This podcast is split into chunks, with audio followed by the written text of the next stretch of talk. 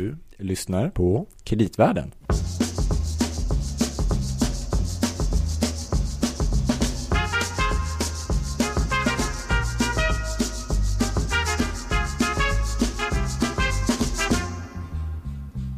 Men hej Louie! Gabriel, Ja, du är tillbaks. ja, här är jag. Som, Trevligt. eh, inte som Lucia, för vi spelade in här strax innan. Mhm. Eh. Stjärngosse. Ja, kommer han lite först? Med struten på huvudet. Jag Ja. inte. Ja. Ehm, men det lackar mot jul. ja, Ja. stämmer. Men vi hinner med ett avsnitt till av Kreditvärlden. Man skulle kunna se det avsnittet lite som en julklapp.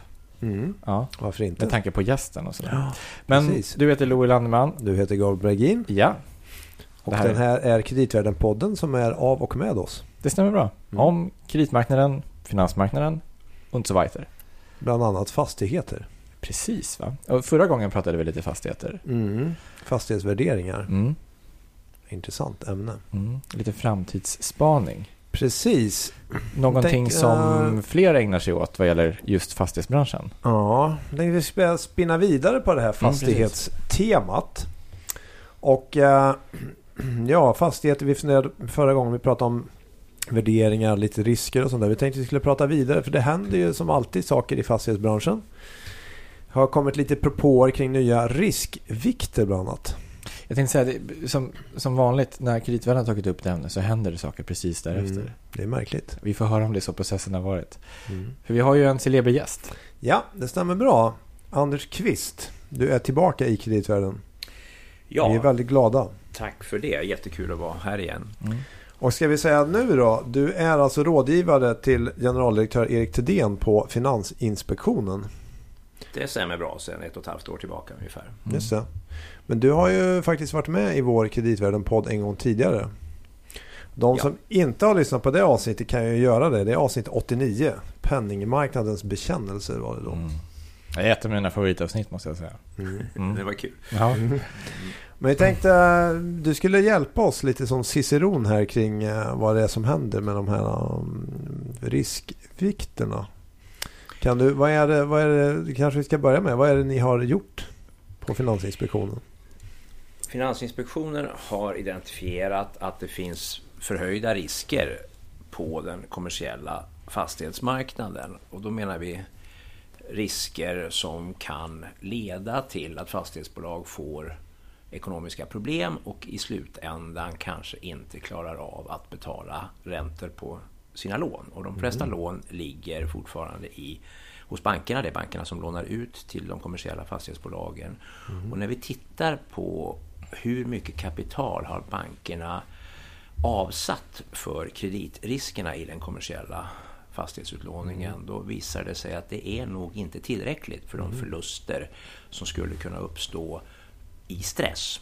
Och därför har vi nu lagt ett förslag om ökade kapitalkrav, i praktiken högre riskvikter på bankernas utlåning till kommersiella fastighetsbolag. Så bankerna, man, bank, man ska sätta av mer kapital för att skydda sig mot eventuella förluster mot, som man kan få på fastighetssidan. Just så, så är det. Bankerna är som helhet robusta för ekonomisk stress, kreditförluster från olika eh, sektorer i näringslivet och på privata bolån och liknande. Men just för utlåningen till kommersiella fastighetsbolag så har bankerna inte räknat med tillräckligt mycket kapital för att möta de potentiella riskerna och det är det vi försöker rätta till med den här åtgärden. Mm. Ja. Men vi tycker om att börja lite grann från början. Mm. Eh, För ni, ni kom ju med det här förslaget nu. Men ni började skriva lite om kommersiella fastighetsmarknaden och de risker som är behäftade med den i med er förra stabilitetsrapport i våras va? Ja, jag tror det var ytterligare någon än, än tidigare. De, Mm. eh, de, vi har ju sett tecken på förhöjda risker på den kommersiella fastighetsmarknaden sedan något år tillbaka kan man säga. Och det handlar ju väldigt mycket om att fastighetsvärdena har stigit väldigt kraftigt Mm. eh, under en, en period, sista 6-7 åren kanske. Och att eh, ja, helt enkelt aktiviteten där är, är väldigt, väldigt hög. Och då finns det Mm. alltid potentiella risker i en sektor som lånar så mycket pengar som Mm. fastighetssektorn faktiskt alltid gör. Mm. För det är kanske det någonstans som man läser i rapporter eh, och även i och för sig på andra ställen och även som vi har pratat själva om här i podden. Men man tittar tillbaka på finansiella kriser att de ofta börjar i fastighetssektorn brukar man ju säga.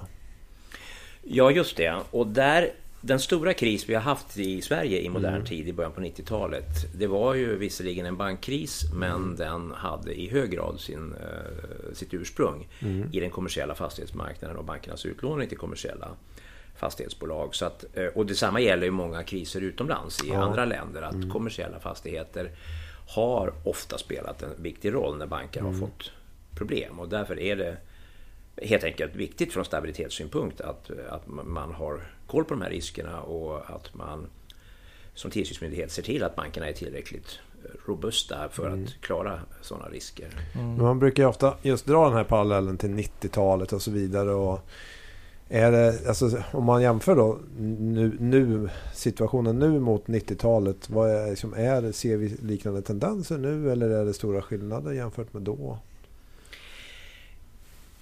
Eh, man kan säga att det finns liknande drag, inte minst detta då att eh, fastighetsvärdena har stigit väldigt kraftigt nu mm. på samma sätt som då. Eh, det finns tendens, det finns skillnader som är viktiga därför mm. att vi hade ett annat system i Sverige både när det gäller beskattning, avdragsmöjligheter och när det gäller växelkursen. Vi hade ju en fast växelkurs som Riksbanken fick försvara med väldigt höga räntor vilket mm. spelade väldigt stor roll som en mm. faktor för att utlösa den fastighetskrisen. Det har vi inte idag i Sverige utan vi har låga räntor, vi har en rörlig växelkurs, vi har ett annat skattesystem. Eh, situationen var utan tvekan mera överhettad omkring 1990 än vad den är idag. Men som sagt, det finns gemensamma drag och det finns vissa strukturella drag mm. bland de, mm. hos de kommersiella fastighetsbolagen som är lika eh, mm. då som nu. Och det, mm. det handlar ju återigen om hur mycket man lånar och hur man hanterar sin, ehm, den typen utav, utav risker helt enkelt. Ja, Samtidigt som att värdena har gått upp väldigt mycket nu som då och på ett sätt som kanske inte riktigt motsvaras helt enkelt utav eh, realistiska förväntningar om framtida hyresintäkter och driftsöverskott utan det mm. handlar om att avkastningskraven har kommit ner också. Och, och, och, när det är så, då får mm. man alltid titta lite extra om, om det finns tendenser till överhettning. Det finns ju en graf i eh, någon av era rapporter om fastighetsmarknaden där man ser hur hyresutvecklingen ofta följer BNP-utvecklingen något sånär. Men de senaste åren då så har hyrorna ökat varje år ganska mycket och BNP-utvecklingen vet vi har inte varit riktigt lika dramatiskt positiv. Är det den typen av liksom obalanser som ni, som ni tittar på eller har det mer med balansräkningen att göra? Det låter som att du pratar om fastighetsvärden är ju en, någonting som uppkommer här. När vi försöker titta på sårbarheter och motståndskraft hos de kommersiella fastighetsbolagen, då går vi så att säga varvet runt. Vi tittar ju först på hur snabbt utvecklas hyresintäkterna mm. och vad beror det på? Mm. Och då kan man ju konstatera att efterfrågan på lokaler i Sverige är väldigt stark, inte mm. minst i storstadsområdena. Det leder till väldigt låga vakanser. Det är bra för då blir det mera ytor som är mm. uthyrda. Mm. Det leder också till en kraftig uppgång i hyrorna per kvadratmeter. Mm. Det är egentligen också bra för, för, för bolagen. Så att, Eh, visserligen har hyresintäkterna på senare år stigit snabbare än BNP, men jag tror inte att det är just det som utgör den, den, den, den, stora risken här. Utan det handlar ju snarare om att räntorna är väldigt, väldigt låga och att det mm. har gjort det mycket billigt att låna och därmed att finansiera förvärv av fastigheter till eh, stigande värden helt enkelt, stigande mm. priser. Så att mm. vi tittar nog mest på att hur hur fastighetsvärdena och skuldsättningen eh, spelar, eh, samspelar och vilka effekter det skulle kunna få på företagens resultat om räntekostnaderna steg. Ja, just det. Vi ska inte prata för mycket siffror för det kan vara rätt att gå bort till varandra siffror. Men i en, den rapporten, jag tror ni kommer i våras, som noterar bara två intressanta fakta när ni börjar titta på. För att det är ju då en väldigt stor sektor vad gäller antal lån hos bankerna. Och då såg jag själv att det stod antal lån. Det var någonting på 38 000 stycken som ni har kollat på. Och sen så såg jag också genomsnittsräntan där. 1,6 procent. Det var rätt intressant. Det är ganska lågt. Så är det och det är ju en återspegling framför allt av helt enkelt att de svenska korta räntorna har gått ner mm. väldigt kraftigt under en lång följd utav år. Mm. Bara för en 6-7 år sedan så var genomsnittsräntorna kanske 2 procentenheter högre mm. än vad de, vad de är eh, idag. Så mm. det är mycket en återspegling av att Men vi har korträntor runt noll helt enkelt. Men det innebär kanske också att man i genomsnitt har ganska kort kapitalbindning då eller? Eh, traditionellt så har svenska fastighetsbolag inte lånat så långt. Eh, varken i bank eller någon annanstans. Det har väl förändrats något på senare år. Obligationsmarknaden har blivit en viktigare källa och för finansiering och då blir det möjligt. Där kan man få lite längre mm, löptider, mm. särskilt utomlands. Eh, om man lånar utomlands. Men jag tror att totalt sett så är det inte inte så långa löptider som eh, på upplåningen som man kanske skulle tycka var naturligt och önskvärt med tanke på att tillgångarna är väldigt Nej, långsiktiga. Exakt, precis, precis. Men så om man liksom, för att konstatera varför ni tittar så mycket på fastighetssektorn så är det helt enkelt att det är den största sektorn i exponering för bankerna. Så det är någonting 40 procent eller typ av utlåningen till företag är mot Ja, det är nästan 50 procent av den totala företagsutlåningen mm. som är, äh, går till just kommersiella fastighetsbolag mm. och kanske en 16-17 procent av den totala utlåningen inklusive alla lån till privatpersoner. Och så, så att lån till kommersiella fastighetsbolag är en, en stor del av bankernas balansräkning. Mm. Och skulle det då hända någonting med fastighetssektorn så skulle det kunna slå mot bankerna och det skulle i sin tur egentligen slå mot övriga ekonomin om bankerna måste strama åt i sin utlåning.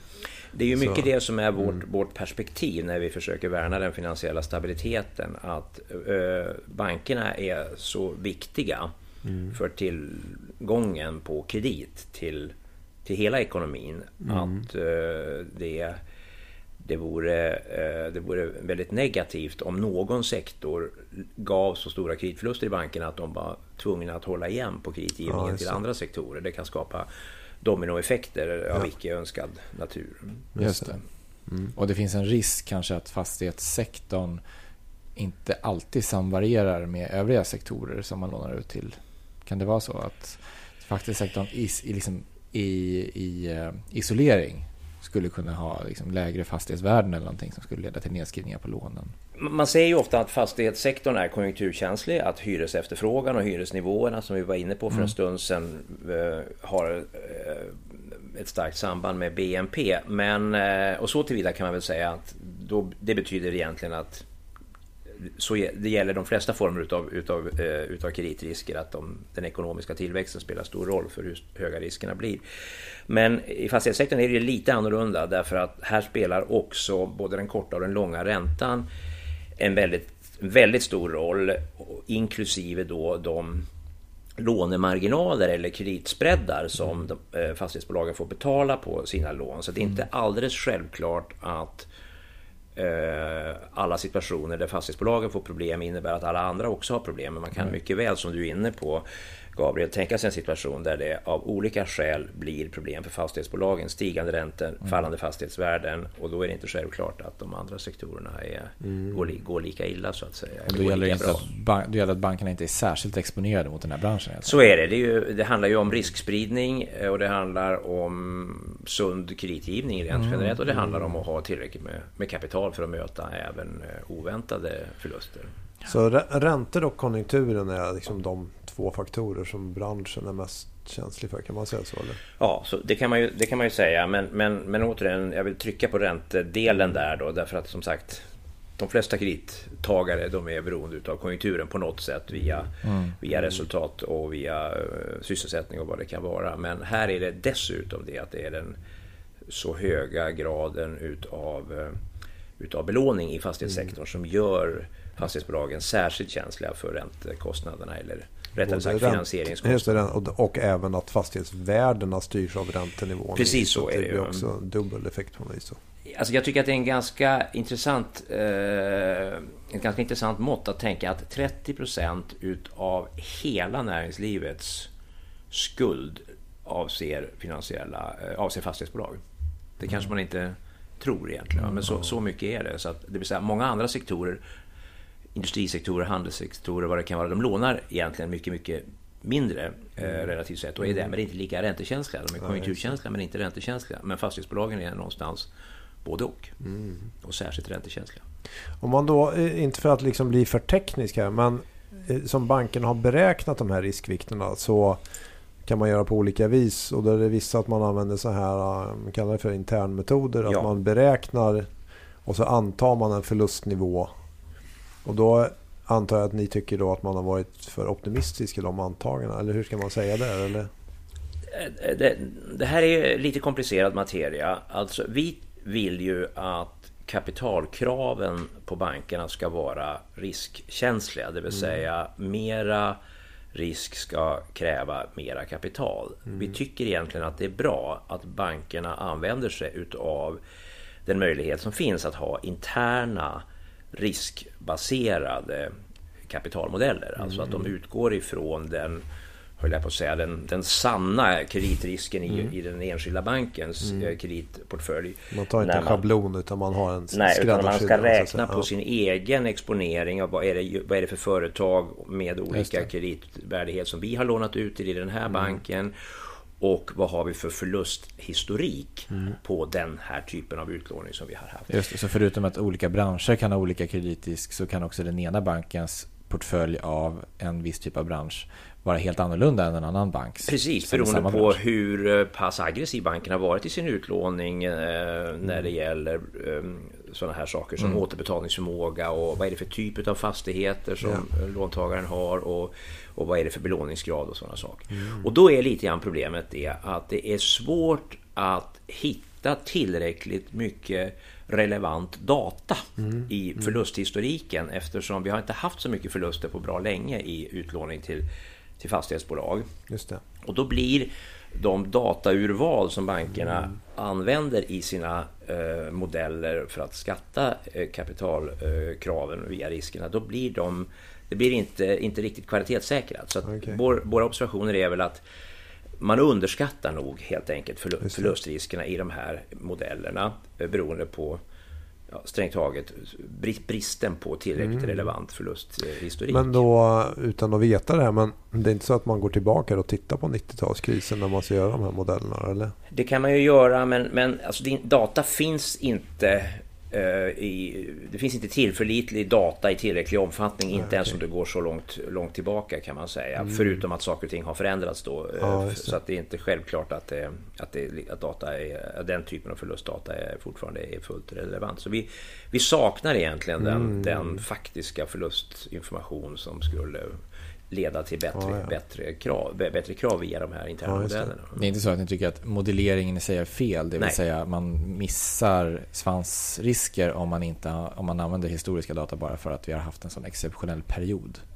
Eller är det mer liksom att det? Ja, det, nej, det, vad det handlar om är ju att se till att man har en tillräckligt lång tidsserie av förlustsiffror som, mm. Eh, som är tillräckligt bra. tillräckligt bra, tillräckligt, mm. tillräckligt många förluster helt enkelt för att mm. det statistiska underlaget ska vara tillförlitligt. Men i princip så tycker vi det är bra att bankerna gör den här typen utav, använder den här typen av, av modeller för att räkna sina risker istället för att vi skulle arbeta med standardiserade riskpåslag ja, som kanske inte riktigt ger precision när det gäller mm. att sätta, sätta rätt eh, kapitalkrav. Men, Men just det, som sagt, här så visar det sig att vi, det finns inte underlag och då blir inte modellerna tillräckligt bra då blir det för låga kapitalkrav. Och nu så sätter ni, eller föreslår att det ska sättas ett, ett sorts golv i på genomsnittet. Så att det ska vara en lägsta nivå. Ja, men det är viktigt att komma ihåg att den tekniska utformningen på den här åtgärden, den, den handlar egentligen om att banken ska fortsätta att räkna ut eh, riskvikter eh, mm. baserat med hjälp av sina riskmodeller på de enskilda lånen. Mm. Eh, och då kommer man fram till någon form av genomsnittlig riskvikt i varje bank för hela mm. låneportföljen. Den ligger just nu på ungefär 18 procent om man ja. tittar på hela banksystemet. Och då säger vi att det det borde vara för att fånga kapitalkraven mot bakgrund av riskerna för kreditförluster i stress är ungefär 30 procent. Ja. Och då, då säger vi att för varje bank så måste det vara ett påslag in, inom det som kallas för pelare 2, ett, mm. ett buffertkapitalkrav kan man säga på mellanskillnaden mellan vad banken kommer fram till i sin egen modellering mm. och de här 30 procenten. Någon bank kanske ligger på 15-16 procent, någon annan ligger på 23 procent och det är mellanskillnaden upp till 30 procent i, i genomsnitt som varje bank ska, ska öronmärka som en sorts klumpbuffert kan man säga. Ett ja. påslag då, eh, som, som ligger i under den så kallade pelare 2. Så det är alltså fortfarande mm. meningsfullt och riktigt att räkna korrekt eh, så gott man kan på varje enskild okay. bolags eh, Och sen differentierar ni lite grann mellan kommersiellt och bostäder. Just det. Det så blev det... skillnaden mellan det vi indikerade i våras när vi ja. kom ut med den här analysen av den kommersiella fastighetsmarknaden och det, vi, det konkreta förslag som vi presenterade här för någon vecka sedan. Vi mm. har kommit fram till att för att göra det hela ännu mera precis så bör man göra en viss differentiering mellan utlåning med säkerhet i kommersiella bostadsfastigheter mm. respektive övriga kommersiella fastigheter. Ja, alltså kontor, handelslokaler, industrilokaler, vad det kan vara. Och så kallade samhällsfastigheter. Och så kallade samhällsfastigheter. Och då säger vi att det ska vara 35 procents riskvikt ja. minst för de riktigt kommersiella, om jag kallar dem för det, och 25 procent för de kommersiella bostadsfastigheterna. Och faktiskt är de två grupperna av lån beloppsmässigt ungefär lika stora. Mm. Så det blir faktiskt, det blir om du väger ihop 35 och 25 procent så får du ungefär 30. Så det, men, det, men det konkreta mm. förslaget nu är, är differentierat mellan de här kategorierna. Så om man, om man då är ett fastighetsbolag, hur kommer man att känna av det här liksom, tror du? Så det blir lite dyrare att få låna hos banken då? Kanske. Skulle det kunna bli. Eh, vi borde ha en bankföreträdare här i studion så skulle vi kanske kunna få höra mer om hur de resonerar. Eh, det blir ju så att varje lån kommer att binda mera kapital eh, och då kan inte banken göra något annat med det kapitalet. Eh, låna ut det eller använda det på något annat sätt för att tjäna pengar. Och då är frågan, vad gör banken då? Kommer banken att försöka kompensera sig genom att ta bättre betalt. Vi har uppskattat det till att om banken skulle försöka göra det så att säga helt och hållet mm. då borde lånen bli någonstans mellan 15 och 30 räntepunkter dyrare. Okay. Eh, det låter inte Det låter inte väldigt mycket och dessutom är det väl säkert oklart om bankerna kommer att vilja göra detta. Eh, för att, eh, de vill säkert vara konkurrenskraftiga sinsemellan men kanske framförallt gentemot obligationsmarknaden mm. som är en allt viktigare finansieringskälla för fastighetsbolagen. Mm. Så det är mm. klart att tar bankerna generellt sett för höga lånemarginaler och försöker i det här fallet övervältra en högre, mm. Eh, ett högre kapitalkrav så ökar incitamenten för bolagen att ja. gå ut på obligationsmarknaden. Så vi, vi, får se, det ska bli intressant mm. att studera effekterna utav, um, utav Men det kan också slå, det kan, hypotetiskt kan det slå lite olika mot olika bolag också. Något det kan det göra. lite mer. Och... Absolut. Det kan väl också leda till att vissa lån kanske inte blir av som annars skulle ha blivit av för att det påverkar så att säga sammansättningen av bankens portfölj. Ja, så kanske det kan vara. Men det tror jag också är ett förhållande som, är, som finns hela tiden så att säga. Att bankerna mm. ser över var vill vi ha våra exponeringar egentligen. Mm. Har vi, är, vi, är vi mera bekymrade för handelsfastigheter? Vi kanske mm. gillar logistikfastigheter bättre. Ska vi, mm. ska vi växa med våra kunder, befintliga kunders behov bara? Eller ska vi försöka söka nya kunder? Det är ju affärsstrategiska beslut som är, och delvis kredit Mm. strategiska beslut som äger rum funderingar kring det som äger rum hela tiden i banken. Ja. Kan man säga. Mm. Men får man fråga om en annan grej då? För att det här är ju allting då relaterat till banker. Men som du själv var inne på eh, så har ju sektorn växt, växt väldigt mycket på våran på obligationsmarknaden. Ja. Så då kan man ju tycka på sätt och vis att det kanske är bra för du får riskspridning. Men å andra sidan uppstår det väl nya risker då i ljuset av det eller i spåren av det. Så hur, hur, vad tycker ni om det? Liksom? Är det någonting som Finansinspektionen tittar på också? Eller hur, hur tänker ni där? Först kan man ju notera att i många andra länder så är en större del av den totala kreditförsörjningen ordnad på obligationsmarknaden. Mm. Det vill mm. säga näringslivet lånar mm. i högre utsträckning, även kommersiella fastighetsbolag, mm. på obligationsmarknaden mm. än, traditionell, än vad som traditionellt har varit fallet i Sverige. På senare år så har vi sett en kraftig ökning utav obligationsmarknaden för företag inklusive kommersiella fastighetsbolag. Vi tycker i grunden att det är positivt. Mm. För det innebär att det blir mindre koncentration av kommersiella fastighetskredrisker i banksystemet. Mm. Och banksystemet har ju den strukturella risken att eh, dess finansiering via inlåning och obligationer av olika slag är relativt kortfristig. Mm, mm. Medan en stor del av utlåningen, och inte minst bolån och fastighetslån, är långfristig. Mm, mm. Så det finns en missmatchning mellan löptiderna på tillgångssidan och skuldsidan i bankerna. Och det är en av de strukturella risker som gör att vi måste mm. ha kapitalkrav mm, och ha tillsyn över bankerna. Då kan vi tycka att det är bra om inte all sån lång finansiering ligger i banksystemen. I synnerhet om obligationsmarknaden kan erbjuda lite längre löptider mm. för de här fastighetsbolagen som, som lånar där. Mm. Och lite längre är det kanske än, än i banksystemet. Och vi var inne på det tidigare, går man ut på mm. euromarknaden så är det många precis. obligationsköpare som vill ha ännu längre löptider. Och mm. då, då blir så att säga den här eh, missmatchningen, den blir helt enkelt mindre om det ligger fastighetsfinansiering utanför banksystemet. Så att eh, det man får göra här är noga följa mm. obligationsmarknadens framväxt. Man vill ju gärna jag tänker man får att det ska då, vara långa pengar. Ja, precis. Mm. Jag tänker, apropå det, då får man ju exponering mot kanske fondflöden, ja. även mot typ ratinginstitutens ja. bedömningar och sådana saker. Så vi också liksom nya... Varje strukturell förändring innebär mm. vissa fördelar och vissa nya risker. Mm. Eh, så, så är det ju. Men eh, samtidigt är vi ganska positiva ändå till att det har kommit en rating disciplin kan man mm. kanske säga på obligationsmarknaden som vi inte hade för en, bara 5-6 år sedan. Mm. Eh, jag tror säkert att det kan bli störningar på obligationsmarknaden om vi får utflöden ur fonder, om kanske om någon obligationslåntagare skulle få problem att betala sina räntekuponger eller sådär. Men som strukturella risker mm. så tror vi nog ändå att obligationsmarknaden är, den är ganska den är ganska robust. Det är, inte, mm.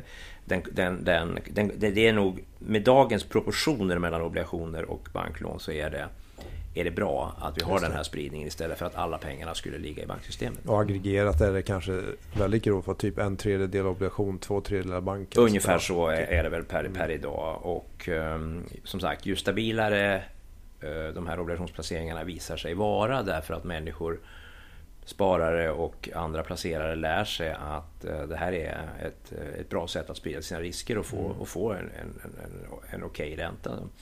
Desto mer positivt kan man se på obligationsmarknaden även för fastighetsfinansieringen. Mm. Just det de här nya kraven som ni kommer med nu då, de kommer att, eh, om det liksom blir godkänt så körs det igång från och med 1 januari typ? Eller? Ja, det kan man säga. Då kommer de eh, kraven eh, att gälla under 2020 och de kapital och riskbedömningsprocesser som bankerna gör för mm. sig och som vi gör för bankerna. Så att det träder i kraft på en gång. Mm. Nu är det först en konsultationsperiod fram till den 20 december där vi tar emot synpunkter på det här förslaget. Ja, sen, sen, tar vi ställning till exakt vad som ska beslutas. Och, mm. men, men som sagt, det är meningen att det träder i kraft redan under 2020. Så passa på att mejla nu Finansinspektionen sista veckan här innan. det är alltid bra med kloka konsultationsinspel så att säga. Ja. Mm, men sen när ni kom med det här förslaget så sa ni också, ni pekade ut, eh, det är väl tre av de svenska bankerna som det här påverkar mest i, i alla fall i första, i första läget om jag förstod det rätt. Och då är det ökade kapitalkrav då egentligen på dem? Ja, det är framförallt de tre storbankerna som fortfarande har, har eh, som är svenska så att säga. SEB, Swedbank, Swedbank och Handelsbanken. Ja, som påverkas av eh, de här kraven, eh, de här förändrade kraven.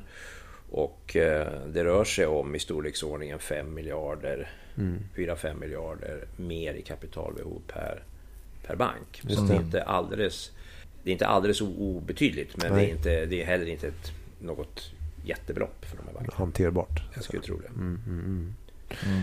Hur, vad, är som, vad är nästa steg då? på Eller kanske inte har en sån agenda men jag tänkte så här om man inför det här kommer ni att se mer på fastighetsbranschen eller är det nu att man ser på andra saker från, för bankerna och sånt där framöver? Eller hur, hur ser det ut i det regulatoriska landskapet?